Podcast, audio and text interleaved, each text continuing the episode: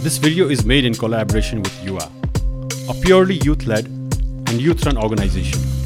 युवाले अहिलेसम्म सुदूरपश्चिमको चारवटा डिस्ट्रिक्ट्समा कोभिडले अफेक्टेड माइग्रेन्ट वर्कर्सको लागि गभर्मेन्टले ल्याएको प्रोग्राम्सको मोनिटरिङ गर्दैछ अनि धेरै वर्कर्सहरूको केस स्टोरी बाहिर ल्याइरहेको छ to know more about their work visit the links in the description. कोभिडको टाइममा we too felt helpless seeing so many people stranded and till date many have not even recovered This podcast series is to learn how we can prevent such unfortunate situations in future. So we have come to Thangadi to hear from the people themselves. Alright, so after the last time's podcast, हामी अलि इन्टेन्सै गयौँ धेरै देशको कुराहरूको बारेमा but that happens ever so often अनि आज चाहिँ हामी यता नगरपालिकामा छौँ होइन यहाँ चाहिँ we got some one very special अनि आज चाहिँ जे जे प्रब्लमहरू भइरहन्छ सबै ठाउँमा mostly relevant and specially focusing on how the migrant workers are being facilitated अनि द प्रब्लम्स एन्ड एभ्रिथिङ आज हामी कुरा गर्दैछौँ रत्ना कडायतजीसँग स्वागत छ हजुरलाई यो हाम्रो पडकास्टमा धन्यवाद। उहाँ चाहिँ नगरको उपमेयर हुनुहुन्छ। हजुर। अलिकति हजुरको बारेमा भनिदिनुहोस् न हजुर के गर्नुहुन्छ? हजुरले हजुरको जबले चाहिँ के के के चाहिँ गर्ने हजुरको रोलहरू? म रत्ना कडायत डिप्युटी मेयर गोदावरी नगरपालिका सुदूरपश्चिम प्रदेश। मेरो बसाइ चाहिँ यहीँ अत्तरिया गेटामा पर्छ। मैले चाहिँ विभिन्न सङ्घ संस्थाहरूमा काम गर्दै अहिले चाहिँ यो जनप्रतिनिधिको रूपमा आएको छु। नेकपा एमालेबाट मैले सङ्गठित सदस्यता दुई हजार सन्ताउन्न सालमा लिएको हो। त्यसै अनुरूप चाहिँ मैले थुप्रै अग्रज व्यक्तित्वहरूबाट चाहिँ इन्करेज भएर म यो लाइनमा अगाडि बढेँ।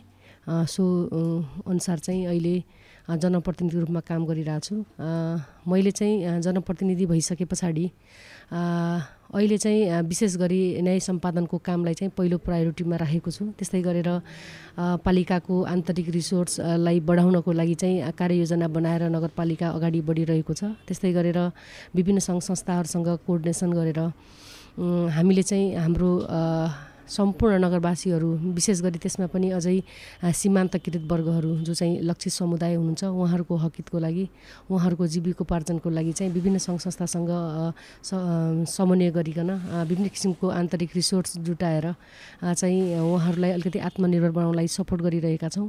त्यस्तै गरी पालिकाले दिने हरेक योजनाहरू देश सङ्घीयतामा गइसके पछाडि विशेष गरी सङ्घीय सरकार प्रदेश सरकार र स्थानीय सरकार गरेर चाहिँ विभिन्न किसिमका योजनाहरू योजनाहरू आउँछन्। त्यो सन्दर्भमा चाहिँ पालिकाका विभिन्न ठाउँहरूमा चाहिँ योजनाहरू अगाडि बढाउने काम गरिरहेका छौँ।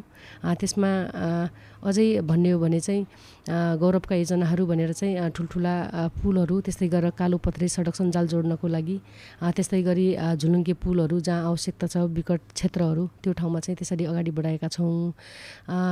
अझै मानवको जुन स्वास्थ्यसँग सम्बन्धित रिलेटेड कुराहरू छ त्यसलाई अलिकति सबैको पहुँच पुर्याउनको लागि चाहिँ विकट क्षेत्रहरूमा सहरी स्वास्थ्य केन्द्रहरू बनाएर त्यसरी चाहिँ एक वार्ड एक सहरी स्वास्थ्य केन्द्र मार्फत चाहिँ स्वास्थ्यमा सबैको पहुँच पुर्याउने काम चाहिँ पालिकाले गरिरहेको छ।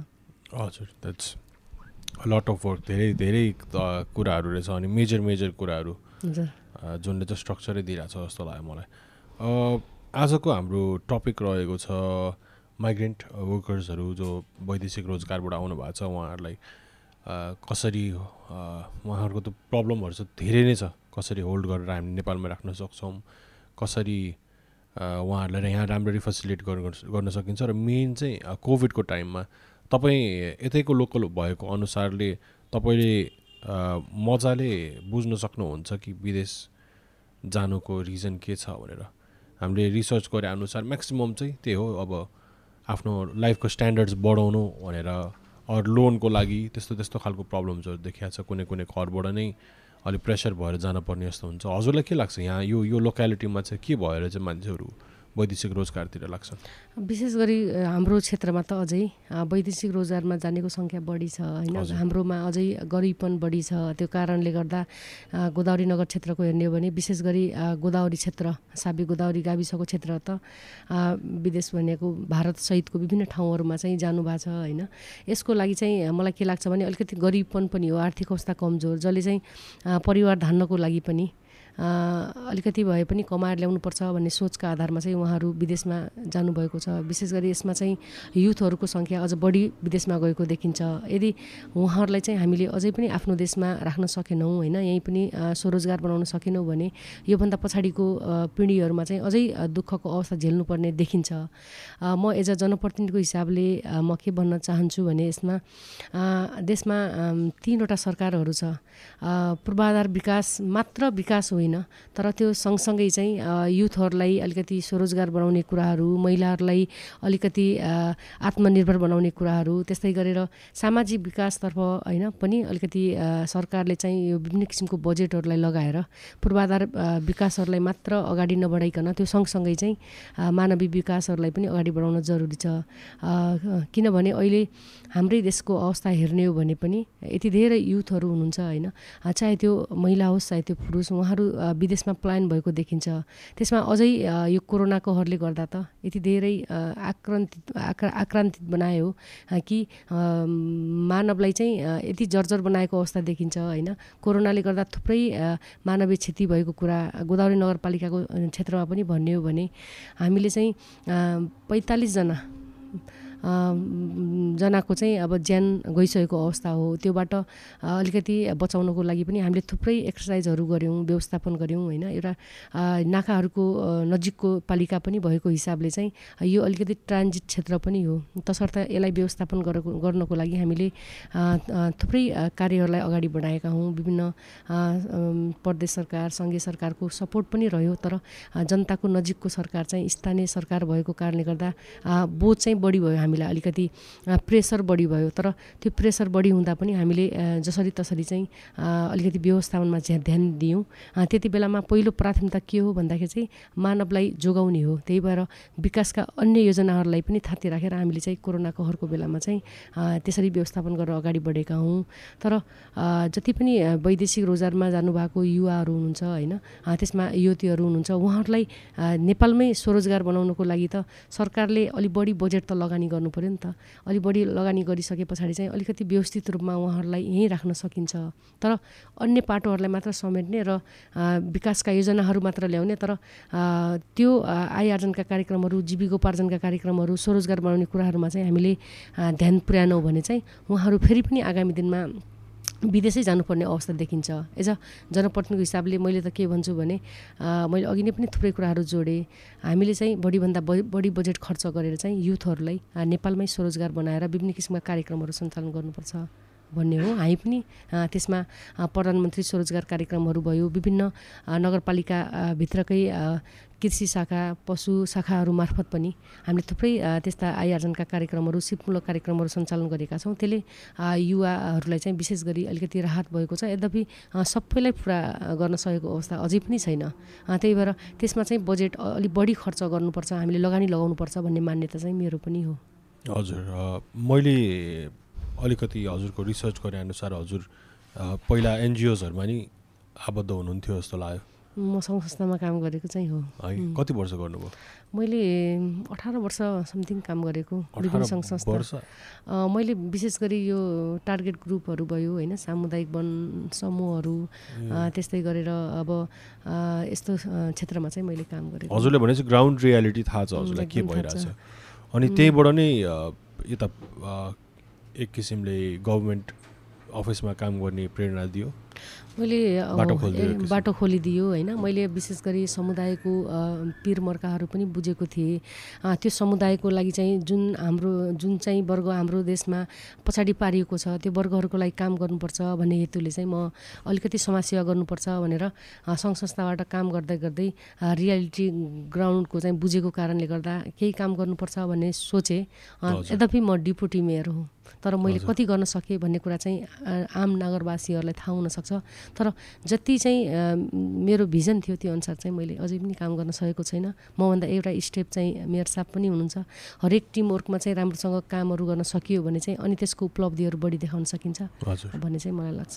हजुर त्यो त्यो ठाउँबाट हेर्दाखेरि सरकार अफिसमा यस्तो भइदिए हुन्थ्यो यस्तो भइदिए हुन्थ्यो भनेर धेरै कुराहरू थाहा हुन्छ नि त। किनकि हजुरहरू सरकारसँग कुनै न कुनै किसिमले एसोसिएट भएर काम गरिराख्नु भएको हुन्छ। सो त्यो त्यो रत्न जो चाहिँ एआइएनजीमा हुनुहुन्थ्यो र अहिलेकोमा चाहिँ तपाईँले के कुराहरू बुझ्नुभयो?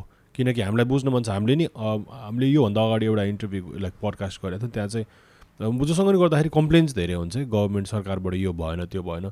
सो तपाईँको आँखाबाट अहिले हेर्दाखेरि के चाहिँ रहेछ त प्रब्लम किन चाहिँ राम्ररी काम हुँदैन रहेछ? बजेट एलोकेसन हुँदैन रहेछ? म पहिला सङ्घ संस्थामा काम गर्दाखेरि मैले अघि नै पनि जोडेको थिएँ होइन? युवाहरूको लागि विशेष गरेर मैले सोच्नुपर्छ किनकि म पनि आफू एउटा चाहिँ युथ भएको कारणले गर्दा होइन? त्यस्तो बजेटहरू बनाउनुपर्छ तर फेरि पनि वयस्कहरूलाई चाहिँ साइड लगाउने चाहिँ होइन सबैलाई मिलाएर लैजानुपर्छ। विशेष गरी पछाडि पारिएको समुदाय हुने खाने वर्गभन्दा पनि हुँदा खाने वर्गहरू जो चाहिँ एकदम पछाडि पर्नु भएको छ एकदम सीमान्तकृत हुनुहुन्छ लक्षित समुदाय छ उहाँहरूको लागि कार्यक्रम गर्नुपर्छ है भन्ने सोच्थेँ म पहिला सङ्घ संस्थामा काम गर्दा होइन? तर अहिले म चाहिँ सरकारी अफिसमा एज अ जनप्रतिनिधिको रूपमा छु। तर पनि पहिला जनप्रतिनिधिहरू नहुँदाखेरि चाहिँ सरकारी कार्यालयहरू कसरी चले भन्ने कुराहरू चाहिँ धेरै सुनिन्छ। तर आखिरमा हामी जनप्रतिनिधि भएर आइसके पछाडि हामीले कति चेन्ज गर्न सक्यौँ त? होइन? सरकारी अफिसहरूलाई भन्ने कुरामा चाहिँ ठुलो प्रश्न खडा हुन्छ अहिले पनि। त्यही भएर यसमा म के भन्छु भने आखिरमा यो विधि र पद्धति अनुसार यदि जुनसुकै चाहे त्यो सङ्घ संस्था होस् चाहे त्यो घर होस् चाहे त्यो परिवार होस् चाहे त्यो सरकारी कार्यालय होस् यो सिस्टममा चलाउन सकिएन भने चाहिँ गाह्रो हुन्छ। त्यही भएर म के भन्छु भने मैले एज अ सिस्टममा पालिका चलाउनुपर्छ चलाउनुपर्छ मैले धेरै पटक भनिरहेको हुन्छु। हरेक पटक कार्यपालिकाको बोर्डको मिटिङमा विभिन्न कार्यक्रमहरूमा। तर पहिलाभन्दा सिस्टम केही मात्रामा त बसेको छ तर पनि अझै हरेक कामहरू गर्दाखेरि चाहिँ एज अ टिमवर्कमा काम गर्नुपर्ने भए हुनाले चाहिँ धेरै कुराहरू अझै पनि चेन्ज गर्न सकिरहेको अवस्था छैन। त्यो फिल चाहिँ मलाई भइरहेको मैले अझै राम हजुरले हुन त त्यस्तरी डाइरेक्ट भन्न त मिल्दैन। तर यसलाई यो आन्सरलाई अझै क्लियरर बनाउनको लागि अलि ह्यान्डलिङ राम्रो नभए हो कि टाइममा नआइदिने हो कि लाइक त्यो देखिन्छ नि यस्तो हो। कुनै पनि गभर्मेन्टमा काम गर्ने सरकारी कर्मचारी अर पोलिटिक्समा लागेको पोलिटिसियन देख्ने बित्तिकै युथ किनकि यो त यो यो यो एपिसोड यो यो यो कुरा चाहिँ युथले हेरिरहेछ कि। हाम्रो अडियन्स चाहिँ अठारदेखि पैँतिस हो। सो तपाईँलाई एकदम चाहेको हाम्रो अठारदेखि पैँतिस। इनसाइड आउटसाइड नेपाल सबैले हेरिरहेछ। अनि मलाई चाहिँ उहाँहरूलाई बुझाउन मन लाग्छ कि के हो प्रब्लम किनकि हजुरलाई हेर्दाखेरि पनि मान्छेले त्यस्तो नभन्नुहोस् किनकि मलाई कसैलाई औँल्याउनु पनि छैन कि। किनकि हामीले मान्छे मान्छे मान्छे भनेर औँल्याउनु मिल्दैन किनभने त्यो त सिस्टम हो ब्युरोक्रेसी नै हो नि त। सो हजुरलाई हेर्दाखेरि डिरेक्टली भन्नु पर्दाखेरि के चाहिँ हो? हुन त सिस्टम त हो तर लाइक मान्छे टाइममा नआउने हो कि केयरलेस हुने हो कि आफ्नो भोटको लागि मात्रै काम गर्ने हो कि के हो? हुन चाहिँ के हुँदो रहेछ? म एकदम भन्छु यसमा होइन? म प्रश्न पार्न चाहन्छु। जस्तो ब्युरोक्रासी एकातिर छ भने अर्कोतिर पोलिटिसियन हुनुहुन्छ छौँ होइन हामी। तर म के भन्छु भने यसमा ब्युरोक्रासीलाई चाहिँ मैले काम गर्नु भएको छैन भन्न खोजेको होइन? एज अ युथहरूको लागि सपोर्ट गर्नु भएको छैन भन्न खोजेँ होइन? हामी पोलिटिसियनहरू। जो चाहिँ लिडर छौँ होइन जसले लिडरसिप गरिरहेछौँ पालिकालाई चाहिँ अगाडि हिँडाइरहेछौँ भने त्यो व्यक्तिले चाहिँ विशेष गरी फ्लेक्जिबल छोडेर ल काम यसरी गरौँ है भनेर चाहिँ भन्नुपर्छ क्या। त्यसमा अलिकति युथ वर्ग आयो भने चाहिँ उसले मजाले काम गर्न सक्छ। तर अलिकति पाएको मान्छेहरू चाहिँ यदि लिडरसिप गरिराख्नु भएको छ भने अलिकति काम चाहिँ ढिलो सुस्ती भइरहेको हुन्छ मैले त्यो चाहिँ प्रश्न गर्न खोजे हो। तर पालिकामा चाहिँ ब्युरोक्रासीले काम गरेन भने चाहिँ होइन उहाँले मजाले काम गरिराख्नु भएको छ। हाम्रो राष्ट्र सेवा कर्मचारीज्यू तर अलिकति एज अ लिडरले चाहिँ एक्टिभ भएर समय दिएर टाइममा चाहिँ काम गर्नुपर्छ भन्छु। तर पोलिटिसियनहरूले चाहिँ काम गर्दैनन् उहाँहरूले भाषण मात्र गर्नुहुन्छ भन्ने कुराहरू यता कता सुनिन्छ नि त। त्यति बेलामा चाहिँ मलाई के लाग्छ भने सबै पोलिटिसियन पनि एउटै किसिमको हुँदैन र सबै ब्युरोक्रासी पनि सबै एउटै किसिमको हुँदैन। त्यही भएर जता चाहिँ जुन पालिका अथवा जुन सरकारी कार्यालय हुन्छ त्यो चाहिँ अलिकति सबैजना टिमवर्कमा मिलेर काम गऱ्यो भने सबै टाइममा कम्प्लिट हुन्छ सबै सम्पन्न हामी गर्न सक्छौँ र आम नागरिकहरूलाई चित्त बुझाउन सक्छौँ होइन? तर यदि राम्रोसँग मिलेर काम गर्न सकिएन भने चाहिँ समस्याहरू खडा हुन्छ भन्न खोजेको। यसै यसै यसै गरी यो टिमवर्कै कुरा आउँदाखेरि कोभिडको टाइममा हामीले धेरैजना जो चाहिँ मोस्टली त इन्डिया इन्डियामै हो नि त यहाँ यहाँबाट वैदेशिक रोजगारी भनेको। इन्डियालाई त वैदेशिक रोजगारीको कलममा नि मानिँदैन भन्ने बुझिएँ मैले बल्ल। डेटा रहन्छ। तर म्याक्सिमम् जानुहुन्छ इन्डियामा होइन। बोर्डर क्लोज छ ओपन बोर्डर छ। अनि उहाँहरू फर्किँदा बिजोग देखिएको थियो। एटलिस्ट मिडियामा बिजोग देखिएको थियो। यहाँको सरकारको टिमवर्क नमिलेर नै हो कि त्यो अलिकति हामीले टाइम टाइट टाइममा डिसिजन गर्न नसकेको। अनि अझ लेयर पनि थपियो। यस्तो किसिमको सरकार त नयाँ भयो। स्थानीय प्रदेश फेरि त्यहाँ सेन्ट्रल हजुर सँगै सो त्यो त्यो हुँदाखेरिको कम्युनिकेसन नमिल्यायो कि। यहाँ जस म्यानेज चाहिँ ढिला भएको देखियो। अलि मान्छेले अब खोलै तर्नु पर्ने गरेर आउने त्यो त नेपालमा मात्रै भयो होला त्यस्तो त्यस्तो खालको प्रब्लम बोर्डर आउनलाई। त्यो बेला हजुरको मनस्थिति कस्तो थियो? हजुरले के गर्न सक्नुभयो? घरबाट निस्केर पाउनुभयो कि भएन? फिल्डमा जान पाउनु भयो कि भएन? त्यति बेलामा त हामीलाई हामी मैले अघि नै पनि जोडेको थिएँ हामी जनताको नजिकको सरकार हो स्थानीय सरकार भनेको। सबभन्दा बढी प्रेसर चाहिँ स्थानीय सरकारलाई नै थियो। हामी स्थानीय सरकारको जनप्रतिनिधि होइन? प्रदेश सरकार र सङ्घीय सरकारले सपोर्ट गर्नुभयो बजेट लगाउनु भयो तर टाइममा उहाँहरूले चाहिँ जस्तो नाकाहरू बन्द गर्ने कुराको हकमा होइन? नाकाहरू खुलाउने कुराको हकमा नाकाहरूमा चाहिँ त्यो चेकअप गर्ने कुराहरूको हकमा हरेक कुराहरू चाहिँ टाइममा नहुँदाखेरि चाहिँ समस्या आएको। तर सङ्घीयतामा गएको हाम्रो देश तिनवटा सरकारहरू छ। तिनवटा सरकार बिचमा चाहिँ टाइममा कोअर्डिनेसनहरू समन्वयहरू नहुँदाखेरि पनि समस्याहरू निस्केको हो। तर हामी जनप्रतिनिधि स्थानीय सरकारको भएको कारणले गर्दा हामीले कुनै चिजमा पनि कन्जुसाइ गरेको होइन। कोरोनाबाट हामीले आम नागरिकहरूलाई बचाउनको लागि हामी एकदम फिल्डमा खटेको हो। हामी घरमा पनि बसेनौँ हेर्नुहोस्। हाम्रो ज्यानको जोखिम मलेर पनि हामी हिँडेको हामी जनप्रतिनिधि नै फिल्डमा हिँडेनौँ भने अनि को फिल्डमा खट्नुहुन्छ त? त्यही भएर हामी जनप्रतिनिधि पटक पटक बैठक गरेर होइन कर्मचारी जनप्रतिनिधि सुरक्षाकर्मी स्वास्थ्यकर्मी सबै मिलेर एज अ मिडिया सेक्टर सबैले चाहिँ सपोर्ट गरेर सूचना प्रवाह गरेर चाहिँ अलिकति व्यवस्थापन गर्न सहज भयो हो होइन। तर यसो हेर्दा त नाकाहरूमा मानिसहरू होइन थुप्रै तितर हुनुहुन्थ्यो नि त दुःख धेरैले पाउनु भएको थियो। त्यही भएर त्यस्तो समस्याहरूमा चाहिँ अलिकति सरकार एज अ हामी त गम्भीर भएका थियौँ हुन त हामी हामी पनि कति गम्भीर भयौँ अथवा भएनौँ भने फर्स्ट ह्यान्ड देख्नु भएर त त्यो त लागिहाल्छ किनकि आफ्नो नजिकको ठाउँ भएपछि त झन् माया लाग्छ। हामी त घर घरमै गएर पनि कोरोना पोजिटिभ भएको व्यक्तित्वहरूलाई पनि हामीले चाहिँ काउन्सिलिङ गरे हो। उहाँहरूको आत्मबल मनोबल बढाउनको लागि चाहिँ हामीले सपोर्ट गरे हो। घर घरमा औषधि पुर्याउने काम तर यो आफू नै घर घर जानुभन्दा यसको राम्ररी तपाईँ चाहिँ माथि बसेर प्लानिङ गरेर बरु त्यो इम्प्लिमेन्टेसन राम्रो हुन्थ्यो कि? होइन हामी कहिले काहीँ गाउँमा जाँदाखेरि चाहिँ त्यो सकारात्मक प्रभाव पर्छ। ओहो जनप्रतिनिधि पनि आउनुभयो हामीलाई भेट्न भनेर। उहाँहरूको अलिकति मनोबल पनि हाम्रो जनप्रतिनिधि कर्मीहरू हुनुहुन्छ भन्ने हुन्छ भनेर हामीले स्वास्थ्य कर्मीहरूलाई त्यत्तिकै खटाइरहेको थियौँ भने सुरक्षाकर्मी पनि खटिराख्नु भएको थियो। एज सबैजना मिलेर चाहिँ त्यसरी व्यवस्थापन गरेका हौँ। तर जति गर्नुपर्दा थियो त्यो टाइममा नगरेको कारणले गर्दा केही समस्याहरू चाहिँ खडा भएको विशेष गरी हाम्रो पालिकामा त अझै यो ट्रान्जिट पोइन्ट पनि भएको कारणले हामीले आफ्नो पालिकाभित्रको आम नागरिकलाई मात्र व्यवस्थापन होइन। यो चाहिँ हाम्रो दुर्गालक्ष्मी बहुमुखी क्याम्पस एउटा मात्र बहुमुखी छ।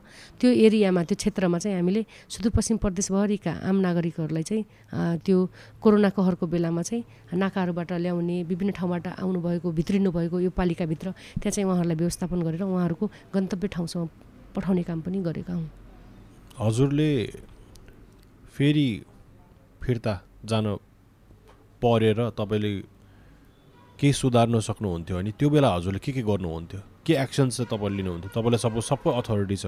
तपाईँलाई नेपालमै सबै अथोरिटी छ अरे जे भन्यो त्यो तपाईँको मुखले जे भन्यो त्यो काम गर्न सकिन्छ अरे तपाईँले के के गर्नुहुन्थ्यो त्यतिखेर? त्यति बेलामा चाहिँ हामीले उहाँहरूलाई अलिकति व्यवस्थापनमा ध्यान पुर्यायौँ। त्यसभन्दा पछाडि सब सबैजनालाई सपोर्ट गर्न नसकिए तापनि अब केहीलाई चाहिँ हाम्रो विभिन्न प्रधानमन्त्री रोजगार कार्य कार्यक्रम मार्फत भयो होइन।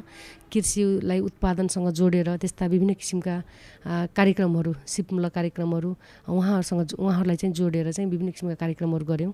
त्यो गर्दाखेरि चाहिँ केही युथहरू अथवा विदेशबाट फर्केर आउनुभएका कोरोना कहरको बेलामा उहाँहरूलाई चाहिँ केही सहज चाहिँ भएको हो।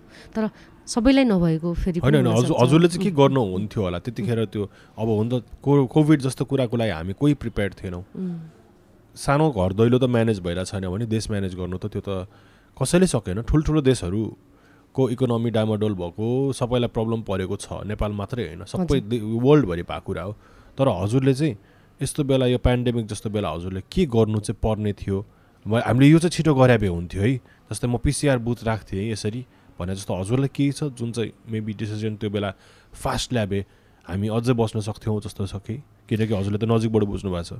त्यति बेलामा अलिकति तिनटै सरकारी बिच कोअर्डिनेसन चाहिँमा कमी भएको र बजेट विनियोजन गर्दाखेरि पनि अलिकति समस्याहरू देखियो होइन?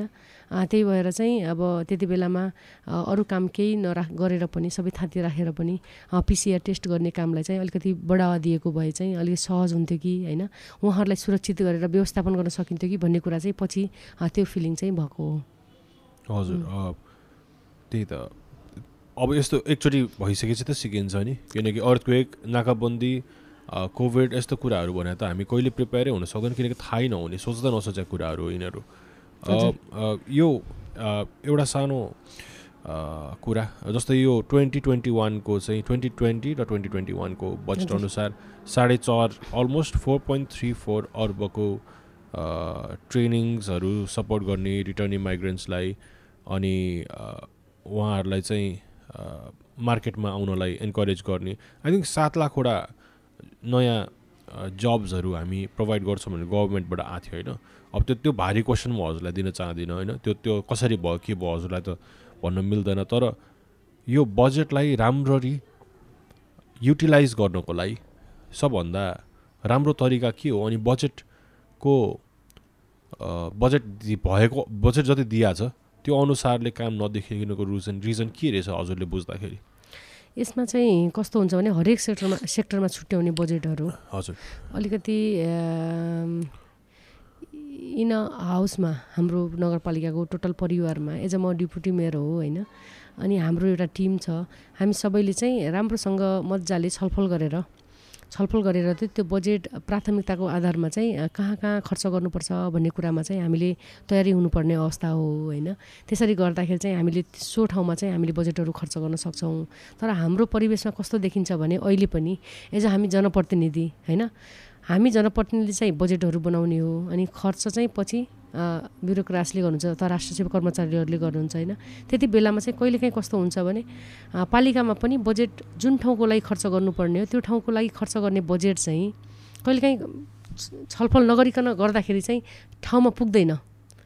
त्यसमा अलिकति हाम्रो पालिकामा कस्तो छ भने हामीले छुट्याउने बजेटहरू जति पनि छ जस्तो वार्षिक चाहिँ अरबभन्दा बढीको बजेट हामी खर्च गर्छौँ होइन?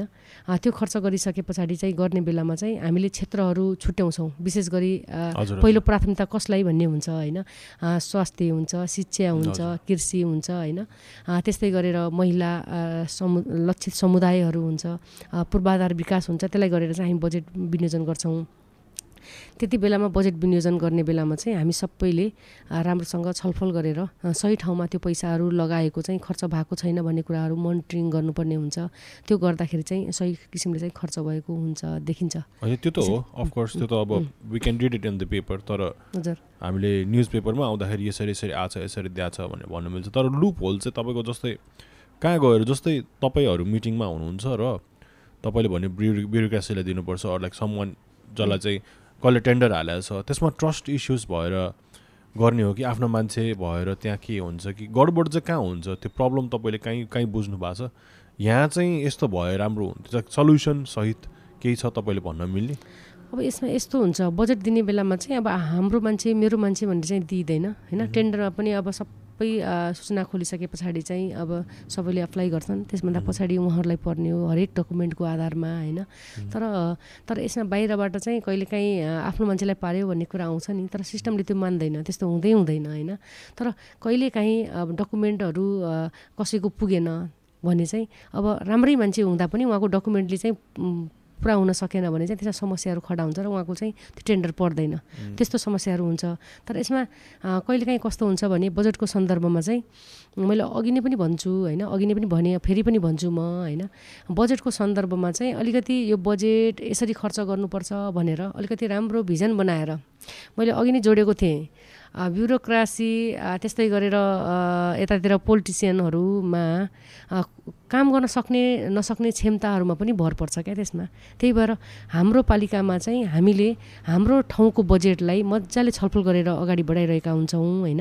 त्यसमा चाहिँ कहिलेकाहीँ फिल्डमा काम गर्ने बेलामा चाहिँ अनुगमनको पाटो हुन्छ। विशेष गरी एउटा योजना हामीले बिस लाखदेखि तिस लाखको एउटा योजना फिल्डमा कुनै ठाउँको बस्तीमा गरिरहेछौँ भने त्यहाँको लागि त्यहाँको युथहरूलाई त्यहाँको समुदायलाई पनि तपाईँहरू पनि निगरानी गर्नुहोस् होइन खबरदारी गर्नुहोस् भनेर भनिरहेको हुन्छौँ। त्यसै अनुसार चाहिँ त्यहाँको योजनाहरू सम्पन्न हुन्छ। तर उहाँहरूले टाइमली हामीलाई इन्फर्म गरिदिनु भयो यहाँको योजनामा चाहिँ बिस लाख खर्च गर्नुपर्ने ठाउँमा चाहिँ खर्च भएको छैन भन्ने कुरा चाहिँ जानकारी गराइदिनु भयो भने त्यो अनुसार रोक्ने कामहरू त्यसलाई अलिकति अझै राम्रो क्वालिटी हिन त्यो काम भएको छ भने त्यसलाई क्वालिटी मेन्टेन गर्ने कुराहरूको हकमा चाहिँ हाम्रो योजना शाखा हाम्रो इन्जिनियरहरू होइन उहाँहरू लागिराख्नु भएको हुन्छ र हामी पनि फिल्डमा हिँडेका हुन्छौँ त्यसरी चाहिँ अगाडि बढ्छ। जस्तै हजुर के भएको छ कोभिडमा भनेर जस्तै कोभिड भएको मान्छेहरूलाई गएर सोधे जस्तो हामीलाई हाम्रो सिस्टममा चाहिँ बजेट मोनिटर गर्नुको लागि फिल्डमा त हजुरहरू जानु मिल्दैन होला। जान्छौँ। जानुहुन्छ? अनुगमनको संयोजक नै म हो नगरको। ए ओके सो तपाईँ जाँदाखेरि त्यहाँ केही त्यस्तो भेट्दाखेरि कसरी ह्यान्डल गर्नुहुन्छ त? राम्रो नभए बेला पाएको बेला कसरी? योजनाहरूमा चाहिँ कस्तो हुन्छ भने अब नगर स्तरीय अनुगमनको संयोजक उपमेयर हुन्छ र त्यसमा दुईजना कार्यपालिकाको सदस्य प्लस परम प्रशासकीय अधिकृत र योजना शाखाको सदस्य सचिव हुनुहुन्छ होइन? त्यस्तै गरेर ओडा ओडामा पनि सबै ओडा अध्यक्षको संयोजकत्वमा अनुगमन समिति हुन्छ सदस्यहरू सदस्य रहने गरेर र ओडाको प्राविधिक हुनुहुन्छ त्यसरी समिति बनेको हुन्छ। र हामी योजनाहरू अनुगमन गर्न जान्छौँ। अनुगमन गर्न गइसके पछाडि चाहिँ त्यहाँ अलिकति त्यहाँको कसैको चाहिँ गुनासोहरू आयो भने तुरन्त आएर त्यो गुनासो के हो त्यहीँ गएर फिल्डमा पनि बुझ्ने र उहाँहरूलाई अफिसमा बोलाएर चाहिँ सम्बन्धित प्राविधिकहरूलाई राखेर योजना शाखाहरूलाई राखेर चाहिँ बसाएर ल यस्तो भइरहेछ यो कार्यक्रमलाई चाहिँ यो यो योजना। होइन यो आयोजनालाई चाहिँ यसरी हेर्नुहोस् यहाँ चाहिँ बजेट राम्रोसँग खर्च भएको छैन क्वालिटी इन्कम छ भन्ने कुराहरू चाहिँ त्यसरी बसाएर छलफल गरिसके पछाडि चाहिँ अनि क्वालिटी मेन्टेन गर्ने कामहरू चाहिँ हुन्छ। जस्तै यो बजेटको मोनिटरिङको लागि हाम्रो युवा भन्ने अर्गनाइजेसनले यो पडकास्ट अरेन्ज गर्नुभएको थियो। थ्याङ्क यू अगेन होइन युवाको टिमलाई। र उहाँहरूको गुनासो चाहिँ हामीले उहाँहरूले हेर्दाखेरि पनि उहाँहरूले त प्रब्लम्सहरूलाई फाइन्ड गर्ने हो। अनि कसरी के भएको छैन जस्तो यहाँको पोलिसी लेभलमा र बजेट मोनिटर गर्न आउँदाखेरि गभर्मेन्ट अफिसमा त यो त ट्रान्सपेरेन्ट हुनु पऱ्यो गभर्मेन्टको त जनताले थाहा पाउनु पऱ्यो सो उहाँहरू आउँदाखेरि जहिले पनि जहिले पनि त होइन जस बजेटको मोनिटरिङको लागि आउँदाखेरि पछि आउनुहोस् अरू मान्छे छैन। त्यो त्यो अहिले हुनुहुन्न उहाँ भनेर त्यो अलवेज पेन्ड पेन्डिङमा राखिदिइराख्ने त्यो सिस्टम चाहिँ किन हुन्छ होला? त्यसको लागि चाहिँ डिजिटलमा नभएर हो कि यो? त्यो पनि हुनसक्छ मेबी होइन? तर कस्तो हो भने हाम्रो पालिकामा चाहिँ कस्तो छ भने हामीहरू योजना हेर्न जाने र अघि नै यहाँले जोड्नुभयो होइन पारदर्शिताका कुराहरू होइन? त्यो पारदर्शिताका कुराहरू गर्दाखेरि चाहिँ अब त्यहाँ ठ्याक्क त्यो बजेटहरू खर्च भएको छ कि छैन भन्ने कुरामा त एज अ समितिको अध्यक्ष सचिवले मात्र गरेर भएन पदाधिकारीले मात्र गरेर भएन। त्यहाँ अलरेडी अनुगमन गर्ने त्यहीँकै योजनाको चाहिँ समिति हुन्छ। उहाँहरूलाई पनि सोध्ने र उहाँहरूले मात्र त्यो कार्यक्रमको सार्वजनिक सुनवाई गर्ने होइन। त्यो योजनाले चाहिँ समेटेका सबै घरधुरीहरूलाई राखेर चाहिँ सार्वजनिक सुनवाई पनि हुन्छ योजना पछि होइन? र ठुलो योजनाहरूको चाहिँ सूचना पार्टीहरू हुन्छ फिल्डमै त्यसरी गर्ने गरिएको छ। यदि यदि कुनै योजनाहरूमा चाहिँ त्यस्तो गुनासोहरू आएको खण्डमा हाम्रो पालिकामा त्यस्तो समस्या छैन। हजुर मैले त्यही त अघि मैले सुरुमै भने मैले हजुरलाई यो या यो यो अफिसलाई क्वेसन गर्न होइन कि नर्मली नहुनुको रिजन चाहिँ नहुन पाइन्छ त्यसरी? पेन्डिङ गर्न पाइन्छ? पेन्डिङ गर्न पाइँदैन। जस्तो मैले उदाहरण दिन्छु। जस्तो एउटा योजना छ मानौँ दस लाखको एउटा ग्राइबिल गर्ने। तर ग्राइबिलमा चाहिँ उसले क्वान्टिटी हुन्छ यति हाल्ने भन्ने कुराहरूमा होइन। तर उसले त्यति क्वान्टिटी बराबर चाहिँ टिप्पर ट्र्याक्टर बापत चाहिँ त्यहाँ पैसा खर्च गरेको छैन र त्यो गुनासो त्यहाँको युवा पिँढीहरूले अथवा त्यो त्यहाँ नजिकको स्थानीयहरूको गुनासो रह्यो र उहाँहरूले यहाँसम्म पुर्याउनु भयो भने एज त्यो भुक्तानी गर्न पूर्व हाम्रो पनि त्यहाँ सिग्नेचर चल्छ। कहिलेकाहीँ त डर लाग्छ हामीलाई पनि। त्यो सिग्नेचर गऱ्यो भने कतै हामी पनि फस्ने त होइन भन्ने डर चाहिँ लाग्छ। तर तर मैले चाहिँ एज अ यहाँ पालिकामा चाहिँ के सिस्टम बसालिएको छु भने उहाँ योजना शाखाको प्राविधिकहरूले चाहिँ गएर क्वान्टिटी सबै चेक गर्नुहुन्छ कति छ के छ योजनाको इस्टिमेट अनुसार काम भएको छ कि छैन सबै हेर्नुहुन्छ। त्यसभन्दा पछाडि चाहिँ यदि कमी भयो भने चाहिँ पुरा काम गर्न लगाउनुहुन्छ त्यसभन्दा पछाडि मात्र त्यो कार्यक्रमको सार्वजनिक सुनवाई त्यो योजनाको सुनवाई भइसके पछाडि अनि आएर म योजना शाखा प्रमुख त्यस्तै गरेर कार्यपालिकाबाट रहनुभएका दुईजना मनोनित सदस्यहरू प्लस सम्बन्धित वार्डको वडाध्यक्ष सम्बन्धित वार्डको प्राविधिक सबै मिलेर चाहिँ त्यो योजनाको भुक्तानी गर्नको लागि चाहिँ सिग्नेचर चाहिन्छ। त्यसरी भुक्तानी गर्ने सिस्टम गरेका छौँ। तर पेन्डिङमा चाहिँ राख्न मिल्दैन। पेन्डिङमा किन राख्न मिल्दैन त भने के काम क्वालिटी हिँड्छ भनेर रोक्नु पऱ्यो त्यसको चाहिँ सोल्युसन निकालेर फिल्डमा कामको क्वालिटी मेन्टेन गर्नु पऱ्यो होइन? नभएर चाहिँ अब हरेक बाहनामा चाहिँ अब त्यो पेन्डिङमा राख्न कसैले पनि पाएन। त्यही भएर चाहिँ हाम्रो पालिकामा हामीले चाहिँ त्यसरी सिस्टम बसालेका छौँ। हजुर। सो फेरि पनि यो वैदेशिक रोजगारकै मा फिर्ता आउँदाखेरि अलिकति यताउति गइरहेको छु है म टपिक किनकि हामी यो कुरा गर्न थालेछ कि कहाँ पुग्छ त्यो कन्ट्रीको कुरा गर्न थालेछ कि प्रब्लम्स धेरै छ नि त अरू ठाउँमा पुग्छौँ। So coming back to our main point अब जस्तै हामीले सबैजना फर्केर आयो धेरैजना फर्केर आयो कोभिडको टाइममा आफ आफ्नो घर आए। मलाई लास्ट टाइम पडकास्ट गर्दाखेरि आफ्नो देश अब एकदम धेरै ठुलो कुनै आपत्ति आउँदाखेरि आफ्नो घर जान मन लाग्छ। त्यही भएर नै मेन होला रिजन तर आउँदाखेरि त बाहिरको विकास एकदमै फास्ट हुने र नेपालमा जस्तो छाडे त्यस्तो अरू इभन वर्स त्यस्तो सिचुएसनमा देखिरहेको हुन्छ र नर्मली वर्क पर्मिटको डेटा अनुसार आई थिङ्क एक वर्षमा एक लाख छैसठी हजार वर्क पर्मिट दिइने रहेछ र यो यो यो वर्ष मात्र एक लाख एक हजार एक सय उन्चालिसवटा वर्क पर्मिटहरू दिइसकेको रहेछ भने चाहिँ मान्छेहरू झन् अब बाहिर जान उत्सुक भए। होइन? सो यहाँ आएको बेला हामीले कसरी होल्ड गर्न सक्थ्यौँ यो हाम्रो माइग्रेन्ट वर्कर्सहरूलाई यहाँ कसरी होल्ड गर्न सक्थ्यौँ? के कमी कमजोरी रह्यो कि आएर फेरि ओहो छ महिना एक वर्ष काम गरेर सानोतिनो लगानी जे छ त्यो डुब्यो कि खेत हेरेर केही आएन कि होइन? रियालिटी त यहाँ त खास स्ट्यान्डर्ड अफ लिभिङको लागि जति मिहिनेत गरे पनि स्ट्यान्डर्ड अफ लिभिङ बढ्दैन नि त। सो यो हामीले कसरी होल्ड गर्न सक्छौँ र यसलाई यसमा कसरी काम गर्न सक्छौँ?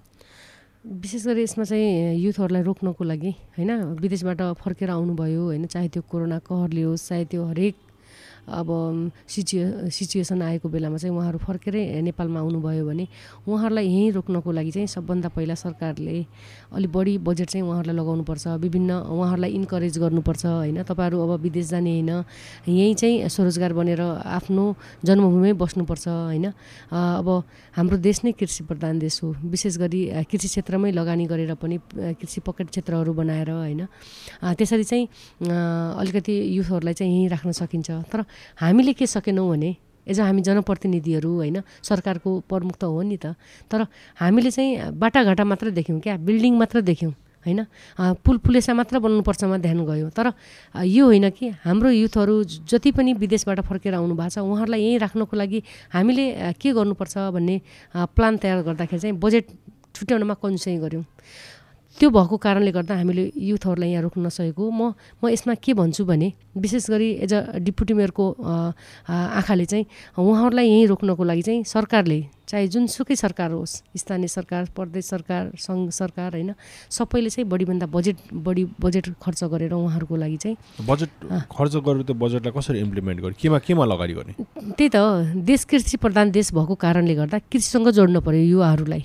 त्यस्तै गरेर विभिन्न किसिमका ठुल्ठुलो पकेट क्षेत्रहरू बनाएर होइन? जस्तो अब यस्तो यतातिर आय आर्जनको कार्यक्रम अन्तर्गत जोडेर होइन? बाख्रा पालनहरू हुनसक्छ। त्यस्तै गरेर बङ्गुर पालन कुखुरा पालनहरू हुनसक्छन् होइन? ठुल्ठुलो दुध डेरीहरू छ हामीसँग होइन? भैँसी पालनहरू गर्न सकिन्छ। त्यस्तै गरेर बेमौसमी तरकारी खेतीहरू गर्न सकिन्छ होइन? त्यस्तै गरेर बेमौसमी खेतीहरू गर्न सकिन्छ। त्यसमा चाहिँ कृषिमा गएर पनि राम्रो सक्सेस मैले गरिरहेको छु भन्ने स्टोरिज कम छ कि? तर कम छ। हाम्रो यहाँ त हामीले कृषिबाट चाहिँ पकेट क्षेत्रहरू बनाएका छौँ जस्तो एक वार्ड एक उत्पादन कार्यक्रमहरू पनि हामीले चलाएका छौँ। जस्तै अलिकति भनिदिनुहोस् न यसको बारेमा। एक वार्ड एक उत्पादन कार्यक्रममा चाहिँ विशेष गरी हाम्रो यहाँ कृषि क्षेत्र बढी छ होइन? कृषि जमिन बढी छ। त्यहाँ चाहिँ सिँचाइको सुविधाहरू दिएर होइन? सिँचाइको सुविधा दिएका छौँ त्यस्तै गरेर सबै ठाउँमा पुग्न नसकेको हुनसक्छ। विशेष गरी चौधरी समुदायमा चाहिँ यो कृषिलाई उत्पादनसँग जोडेर राम्रा कार्यक्रमहरू भएको देखिन्छ। राम्रो तरकारी कहिलेकाहीँ मार्केटको समस्याहरू उहाँहरूलाई हुनसक्छ। तर पनि अब हामीले चाहिँ व्यापारीहरूलाई चाहिँ उहाँसँग लिङ्क गराएर चाहिँ त्यसरी पनि उहाँहरूले बिक्री वितरण गर्ने गर्नुहुन्छ। विभिन्न किसिमका आय आर्जनका कार्यक्रमहरूमा अब जस्तो ढाका बुनाइ कार्यक्रम छ हामीसँग होइन। तर त्यो त कस्तो भयो भन्दा घरेलु अर आफूलाई सस्टेन गर्न मात्रै भयो। तर मान्छेले त विदेश गएको आएको मान्छेले कसैले बाइक किन्ला मोटरसाइकल गाडी सबै हुन्छ नि। हजुर। त्यो आफ्नो. लाइफ नै माथि बढ्दैन जब कृषि गऱ्यो भने। सपोज बाख्रा पालन गरेर नि त्यति धेरैजना मान्छे छैन। बाख्रा पालनले म त करोडपति भयो भन्ने छैन नि त। अहिलेको अहिलेको जमानामा एउटा रेस चलिरहेको छ जहाँ चाहिँ मलाई मेरो लाइफ बेटर बनाऊँ किनकि छेउछाउमा हेऱ्यो आफ्नो नेबर कोही कहाँ गएर के बनाएको छ कसले ठुलो बिजनेस सुरु गरेको छ। अहिले ग्रोथ चाहिएको छ। इकोनोमिकली मान्छेहरू धेरै नै अब के भन्ने जग्गा बेचेर पनि मान्छे गाडी किनिरहेछ क्या। किनकि त्यो ग्रोथ चाहिएको छ नि त। सो त्यो बेला अहिलेको समयमा आएर हामीले खेतीपाती कृषि भन्नलाई सुहाउँछ र। किनकि त्यो त्यो त्यो त अब उहाँले त कामदार लगाएर आफ्नो ठुलो जग्गा भएको मान्छेले म कृषि गर्छु भनेर लाग्नको लागि त। अनि त्योबाट आउने रिटर्न जुन रिवार्ड छ त्यसले नपुगे हो कि? तर यस्तो छ अब हामीले कृषि गरेर मात्र हामी अलिकति हामी हाम्रो वृद्धि विकास अथवा अलिकति हामी अलिकति हामी हाम्रो आर्थिक अवस्था राम्रो हुन्छ भन्न सकिन्छ भनेर यहाँ सोध्नुभयो। तर। हामी हाम्रो देश नै कृषि प्रधान हो नि त। हाम्रो कृषि योग्य जमिन थुप्रै छ। त्यसलाई त्यत्तिकै थाती राख्यो भने त त्योबाट उत्पादन कहाँ हुन्छ? हामी त विदेशबाटै आएको चामल खानुपर्ने हुन्छ होइन?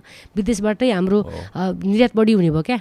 तर यस्तो है? भयो नेपाली प्रडक्सन नै महँगो पऱ्यो। तपाईँको नेपाली चामल त तपाईँको काठमाडौँतिर अरू कुनै ठाउँमा नेपाली चामलै पुग्दैन। किनकि इट्स एक्सपेन्सिभ धेरै बनाउनु लाग्यो पानी पनि धेरै अब्जर्भ गर्छ धेरै कुरा चाहिन्छ महँगो छ। अब त्यस्तै गरी लास्ट टाइम यो केरा मात्रै के? नेपालको केरा यहाँ टिकापुरतिर यो नजिक छ नि त। केराको मोमो यताउति पाउनु। त्यहाँ पनि हामीले प्रड्युस गर्दाखेरि हेर्दाखेरि पनि त्यति साह्रो राम्रो नदेख्ने इन्डियाको सर्लक्क परेको खाउँ खाउँ जस्तो लाग्नु हुने। त्यहाँको टेक्नोलोजी वाइज र एभ्री एस्पेक्टमा हामीले रिसर्चलाई मान्छेलाई देशमै बसौँ कृषि गरौँ भनेर मात्रै यो देशको भावनाले मात्र नपुगे हो कि एक्चुअल गभर्मेन्टले गर्न सक्थ्यो कि? यसलाई कसरी चामल चाहिँ हामीले सस्तो र राम्रो बनाउन सक्ने? किनकि कुनै निजीलाई त गाह्रो पर्छ त्यो ठुलो स्केलमा गर्न। त्यस्तो केही छ। जस्तो सोइलको कुरा आयो। अहिले आएर त्यो खेत बेसकन खन्नु हुँदैन। त्यसलाई सफ्ट लाइक धेरै नै चलाइराख्नु हुँदैन। ड्राईमा खन्नु हुँदैन भन्ने कुराहरू छ। यस्तोको एजुकेसन सरकारले दिन नसके हो कि? अब यहाँहरूले चाहिँ अब कृषिसँग जोडेर धेरै कुरा जोड्नुभयो भन्नुभयो होइन। जस्तो हामी अब अहिले पनि हामी के गर्छौँ भने गाउँमा यहाँहरूलाई थाहा छ यो गाईबस्तुको बिबिगी पूर्वतिर त छैन अझै सुदूरपश्चिमतिर चाहिँ हामीले घरमा पालेका गाईहरू पनि पुरा रोडमा छोडेका छौँ। जनप्रतिनिधिले चाहिँ व्यवस्थापन गर्न सकेन भनेर हामी क्वेसन गर्ने गर्छौँ होइन। हजुर। आखिरमा त्यो गाईबस्तुहरूलाई राम्रोसँग पालेर घरमा अर्ग्यानिक मलहरू बनाउन सकिन्छ नि त। दुधहरू खान पाइन्छ होइन? तर हामी रासायनिक मल नै पाएनौँ भनेर चाहिँ चित्त धेरै दुखाइरहेको अवस्था छ। अहिले पनि हेर्नुहुन्छ भने रासायनिक मलमा चाहिँ समस्याहरू थुप्रै छन्। अझ हामीले जति चाहिने हो त्यो अनुसार पाएको अवस्था छैन होइन? तर हामी किसानलाई चाहिँ कसरी इन्करेज गर्छौँ भने तपाईँहरूले चाहिँ अब जुन हाम्रो विशेष गरी सुदूरपश्चिममा पनि सुदूरपश्चिमको अझै कैलाली र कञ्चनपुरमा चाहिँ यो समस्या बढी छ। होइन? हामी जनप्रतिनिधि भएको बेलामा चाहिँ तपाईँहरूले गाईहरूलाई व्यवस्थापन गर्नुहोस् भनेर चाहिँ आम नागरिकहरूले हामीलाई भन्नुभएको थियो। हामीले व्यवस्थापन गर्न धेरै कोसिस गऱ्यौँ र व्यवस्थापन गर्न केही हदसम्म सफल भएको तर किसानहरूले चाहिँ अब गाईबस्तुहरू पालेर फेरि छोडिदिँदा त फेरि समस्याहरू उब्जिन्छ नि त। त्यसले गर्दा चाहिँ केही समस्याहरू छन्। हामी उहाँहरूलाई चाहिँ तपाईँहरू घरमै पाल्नुहोस् होइन? सड्ने चिजहरूलाई चाहिँ त्यो सडाएर चाहिँ अर्ग्यानिक मलहरू बनाउनुहोस्। त्यसले राम्रो हुन्छ भन्ने कुरा गर्छौँ। त्यस्तै गरेर सरकारले चाहिँ विशेष गरी किसानहरूलाई के गरेको छ भने अलिकति उन्नत जातको बिउ बिजनहरू वितरण गर्ने परिपाटी ल्याएको छ बजेटहरू खर्च छ त्यसमा होइन? त्यो पर्याप्त नहोला तर त्यसले पनि कतिपय दाजुभाइ दिदीबहिनीहरूलाई त सहज त हुन्छ नि त। त्यसले पनि अलिकति राम्रो हुन्छ कि भन्ने लागेको छ। हामीले त्यसरी चाहिँ पालिकाको बजेटलाई खर्च गर्ने गरेका छौँ जस्तो उन्नत जातको गहुँको बिउहरू भयो होइन? धानको बिउहरू भयो विभिन्न किसिमका अरू बिउ बिजनहरू त्यसरी वितरण गर्ने परिपाटी चाहिँ हामीले गरेका छौँ। यद्यपि अझै पनि विदेशमा पलायन हुने अथवा यहाँ नेपालमा केही पनि छैन विदेशतिर राम्रो छ भन्ने जुन युथ पिँढीहरू छ उहाँहरूका लागि चाहिँ विशेष गरेर हामीले चाहिँ अझै सोच्नुपर्ने अवस्था चाहिँ छ। है किनकि मलाई म म एउटा किसान भइदिए मलाई मलाई यसले लोभ्याउँथ्यो त भन्ने मलाई क्वेसन आएर जुन जुन भन्नुभयो त्यो त सुनिरहेको कुरा हो। किनकि पहिल्यै गरिसकेको प्रमिस हो। नि त जस्तै मलाई दस वर्षमा तिर तँलाई म दस करोड रुपियाँ दिन्छु।